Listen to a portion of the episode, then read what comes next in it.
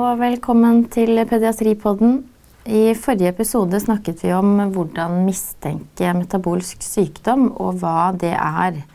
Dessverre kan mange av disse pasientene ende opp i metabolske kriser som må håndteres av oss helsepersonell. Og dette er et spennende og utfordrende tema. Og for å få hjelp har vi igjen fått besøk av overlege Erle Christensen. Velkommen tilbake. Takk for det. Og dette er jo eh, ja, en fortsettelse av episoden 'Når mistenker metabolske sykdommer', som vi tidligere har sluppet. Um, så, men hva er en akutt metabolsk eh, krise? Ja, som vi snakka om i den forrige episoden, eh, så vil det ved en del av disse tilstandene kunne hope seg opp med giftstoffer. Eller eh, man får ikke omsatt eh, stoffer som fett og karbohydrater til energi. Når kroppen er satt under press eh, og krever mer energi enn det den gjør til vanlig, f.eks. ved feber eller inflammasjon, eller man ikke får i seg den samme energimengden som til vanlig, som eh, hvis man kaster opp, har veldig mye diaré, eller hvis man faster lenger enn man pleier å gjøre, da eh, er det sånn at kroppen begynner å bryte ned på sitt eget vev for å hente ut det den trenger. Både til energi, men også til å bygge opp stoffer. Sånn, så den henter ut proteiner og fett for å få til det her. Da kan det frigjøres eh, så mye av de stoffene en person med en metabolsk sykdom ikke klarer å omsette, at det blir eh, for mye, rett og slett. Og det hoper seg da opp med en vesentlig større mengde enn til vanlig med disse stoffene som, som blir giftige, rett og slett, og gir mm. en forgiftning, en akutt forgiftning. Og så får man en akutt energisvikt mm. eh, ved noen av tilstandene også. Og det er en metabolsk krise, en mm. akutt forgiftning og eller en akutt energisvikt. Mm. Mm. Hvilke symptomer eh, får man da? Eh, det kan jo ofte starte ganske forsiktig eh, med at de blir litt slappe, og så øker det kanskje på. De kan bli kvalme, føle seg uvel, eh, etter hvert kaste opp, bli anorektiske. Og etter hvert så kan det utvikle seg til at de blir sløvere og sløvere, og til slutt encefalopatiske. Noen kan få magesmerter.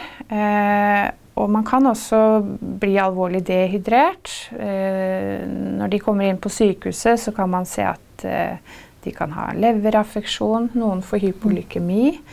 Eh, ved noen av disse tilstandene kan man utvikle rabdomyolyse når man har en metabolsk krise. Mm. Eh, og noen kan få akutt hjerteaffeksjon med akutt kardiomyopati eller arytmier. Mm. Noen kan få pankreatitt. Yes. Ja. Så her er det mange organsystemer som kan involveres, mm. eh, og som kan bli akutt syke. Mm. Så hva gjør man da hvis man har en akutt syk pasient eh, der det er mistanke om metabolsk eh, krise? Det viktigste man da gjør, er jo selvfølgelig å tenke på at her kan det være en metabolsk sykdom. Mm. Så ta med dere det videre. Eh, ved mistanke så bør man starte med SOS-regimet. Ja. Mm. Og så nevnte vi litt uh, i forrige episode hvilke blodprøver man ville ta. Og så nevnte vi dette med anion gap. Ja. Uh, hvordan regner man ut det, da? Ja, eh, når du skal Bare for å si litt om de prøvene du bør ta hvis du har mistanke om at et barn har en akutt metabolsk krise så bør du få med deg en del prøver på ditt eget laboratorium. Eh, med syrebase, elektrolytter, eh, ketoner, glukose, laktat og ikke mm. minst mm. ammoniakk også. Mm. Og gjerne leverprøver og CK. Eh, og så er det dette med anion gap. Eh, det kan man Altså, det kan øke hvis man har en opphopning av eh, organiske syrer i kroppen, bl.a. Mm. Som man kan se ved en del metabolske sykdommer. An økt anongap kan jo skyldes mye forskjellig, eh, mm. men en av årsakene kan være en opphopning av disse organiske syrene da, som gir en forgiftning. Mm. Eh, for å regne ut eh, aniongap så eh, ser man på hovedmengden av positive ioner og trekker fra hovedmengden av negative ioner. Og så får man, eh, eh, får man ut En forskjell, eller? ja, ja. ja, differansen. Og den Mm. er normalt mellom 10 og 20. Så for å Mm. regne ut aniongap, så tar man rett og slett natrium på kalium, og så natrium pluss kalium, og så trekker man fra klor og bikarbonat. Ja. Så et aniongap over 20, det er unormalt. Eh, noen ganger så kan et økt aniongap skyldes en økt laktat, eller det kan skyldes økte ketoner, og det kan man jo også måle på sin egen lab. ja. Så, men det er jo ikke alltid man eh, får disse i et eh, akuttmottak på sykehus. Det kan hende man er på legevakt. Eh, eller får det meldt fra ambulanse, eller er på fastlegekontoret. Eh, og hos barn da, som har en kjent metabolsk sykdom og er akutt sykt, eh, hva gjør vi da? Mm. Da må jeg først si at uh, disse barna som har kjente metabolske sykdommer, de skal ikke på legevakt. De skal rett til sykehus hvis de blir syke og trenger uh, helsehjelp. Sånn at de fleste av de har, eller de har avtale med sin lokale avdeling om å få komme direkte inn. Ehm, det man gjør eh, Helst før de begynner å vise tegn da, til metabolsk krise, så starter man med det som heter SOS-regimet. Eh, og målet med å gi SOS-regimet det er jo å forebygge en metabolsk krise. Så Mm. det starter vi i visse situasjoner eh, godt før eh, symptomer på metabolsk krise begynner å vise seg. Ja. Så hvis eh, disse barna får f.eks. høy feber, som ikke Mm. går ordentlig ned med Paracet, eller de er slappe, uvel, hvis de kaster opp, har mye diaré, da skal de starte med metabolsk eh, Nei, med SOS-regimet. ja. Ja. Mm. Hva er uh, SOS-regimet? SOS-regimet det er rett og slett sukker. Det er eh, glukose som gis eh, i store nok mengder til å underholde kroppens energibehov. Og så gis det regelmessig gjennom hele døgnet. Mm. Eh, sånn at det ikke blir eh, faste perioder uten tilførsel av energi. Mm. Eh, og si hvordan det virker, det er jo at eh, det forhindrer denne katabolismen som kan være så skadelig. Mm. Og SOS-regimet det kan gis både intravenøst hvis man er på sykehus og f.eks. kaster mye opp. Mm. Eller det kan gis uh, i magen, ofte Ja. på sonde da, eller på en knapp. Ja. Mm. Har Eh, man oversikter over hvor mye barnet skal ha, og hvordan man skal blande dette? Ja. Ja. Eh, det står de, Disse barna de har et sånn kritisk informasjonsskriv som ligger tilgjengelig kritisk informasjon i, eh, Mm. i journalen. Og der står oppskriften på deres eh, SOS-regime. Mm. Eh, I tillegg så er det et kapittel i akuttveilederen som omhandler eh, akutt metabolsk krise. Og der står også en tabell med oppskrift på hvor, hvor mye man skal gi eh, av SOS-regimet. Mm. Mm. Er det sånn pulver man blander i vann, eller? Ja, Ja. Vi, eh, hvis man gir det enteralt, så bruker man en sånn glukosepolymer. Mm. Som er et pulver som det, altså det er sukker, men det smaker ikke søtt, og det løser Mm. seg lett opp i vann.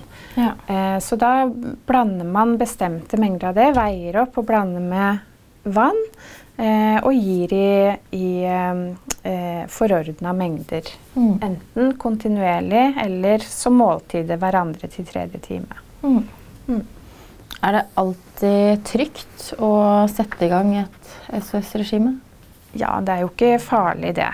Eh, man er stort sett veldig trygg hvis man, eh, vil gi, eller hvis man tenker at det er grunn til å gi SOS-regime. Eh, og hvis man har en pasient som ikke har en diagnose, og man mistenker en metabolsk krise, eh, så er det stort sett veldig trygt å gi det. Og Mm. mye bedre å være eh, føre var. Mm. Det eneste eh, er ved en type sykdommer som heter mitokondriesykdommer, så kan det noen ganger være uheldig å gi for mye sukker. Eh, fordi at det, deres eh, problem kan det, det, kan være problem med å få omsatt eh, sukker, rett og slett.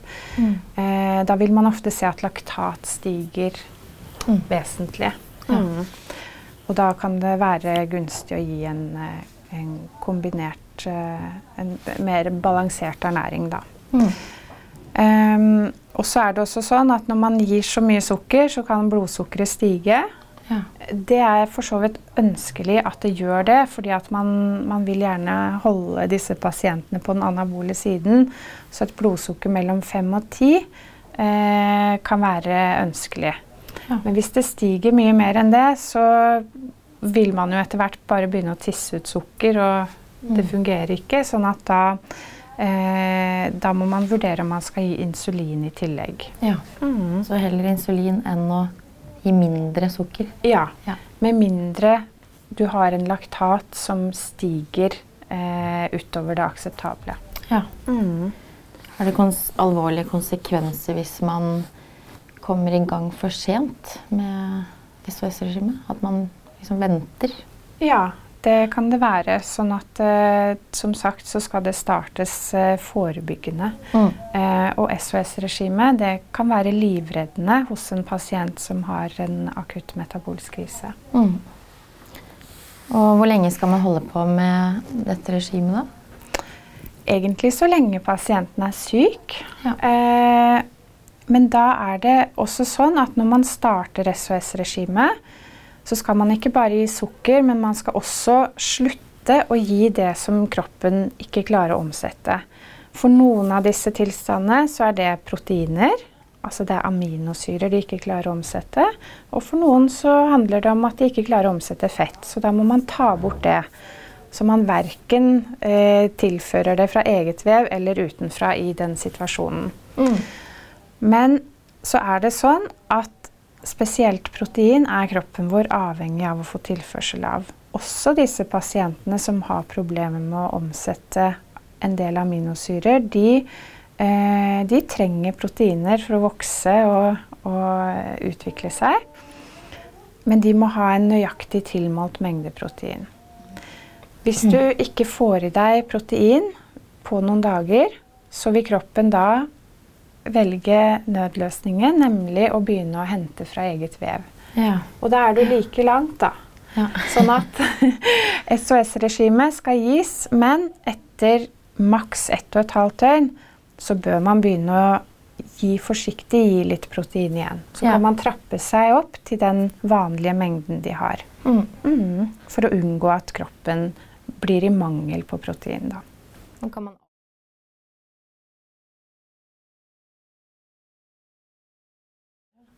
Ja, det går an å gjøre det. Stort sett så vil man ha en opptrapping til vanlig ernæring igjen. Men, eh, men eh, hvis alt virker fint, eh, og barnet er i god form, så kan man avbryte. Mm.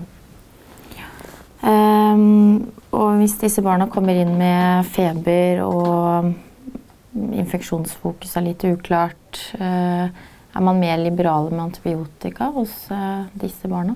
Ja, det er man. Eh, for det første fordi at de kan bli så veldig mye mer syke enn av en infeksjon per se. Altså, eh, sykdommen gjør at en infeksjon får ringvirkninger. Ehm, og i tillegg så er det mange av disse tilstandene som gir redusert eh, immunforsvar. Eh, Mm. Enkelte kan òg få benmargsdepresjon. Ja. Så man skal være mer liberal med antibiotika. Mm. Så jeg har hørt at det, det er mange vitaminer som man gjerne vil supplere med. Er det noe som bør gis til alle? Ja, noen av disse enzymene som vi snakka om i forrige episode, de er avhengig av eh, vitaminer, det er B-vitaminer, som kofaktorer for å fungere godt. Mm. Og så er det noen av tilstandene som eh, vil kunne ha nytte av eh, behandling med disse, disse vitaminene. Da. Hvis man har en kjent metabolsk sykdom, så vet man jo om den er vitaminresponsiv eller ikke. Um, men hvis man har et barn med mistenkt metabolsk krise, så fins det oppskrift på sånne vitaminpakker i akuttveilederen. Ja. Og det er ikke feil å gi det. Nei. Nei. Takk igjen for at du kom på besøk i studio, Erle Christensen. Eh, som vanlig veldig oppklarende. Um, og så tenker jeg at vi må til slutt uh, korte ned til uh, tre take home messages. da, Når vi føler vi står i en SOS-situasjon der ute.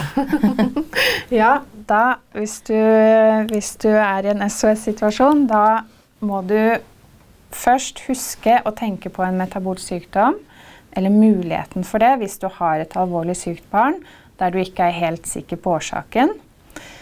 Eh, og så må du huske å måle ammoniakk hvis du har uforklarlig sløve eller encefalopatiske pasienter. Og så starte med SOS-regimet hvis du er i tvil om metabolsykdom kan foreligge. Mm. Da kan du faktisk redde liv. Det er jo fantastisk. Ja. Tusen takk igjen. Um, og takk til alle dere som lytter på oss.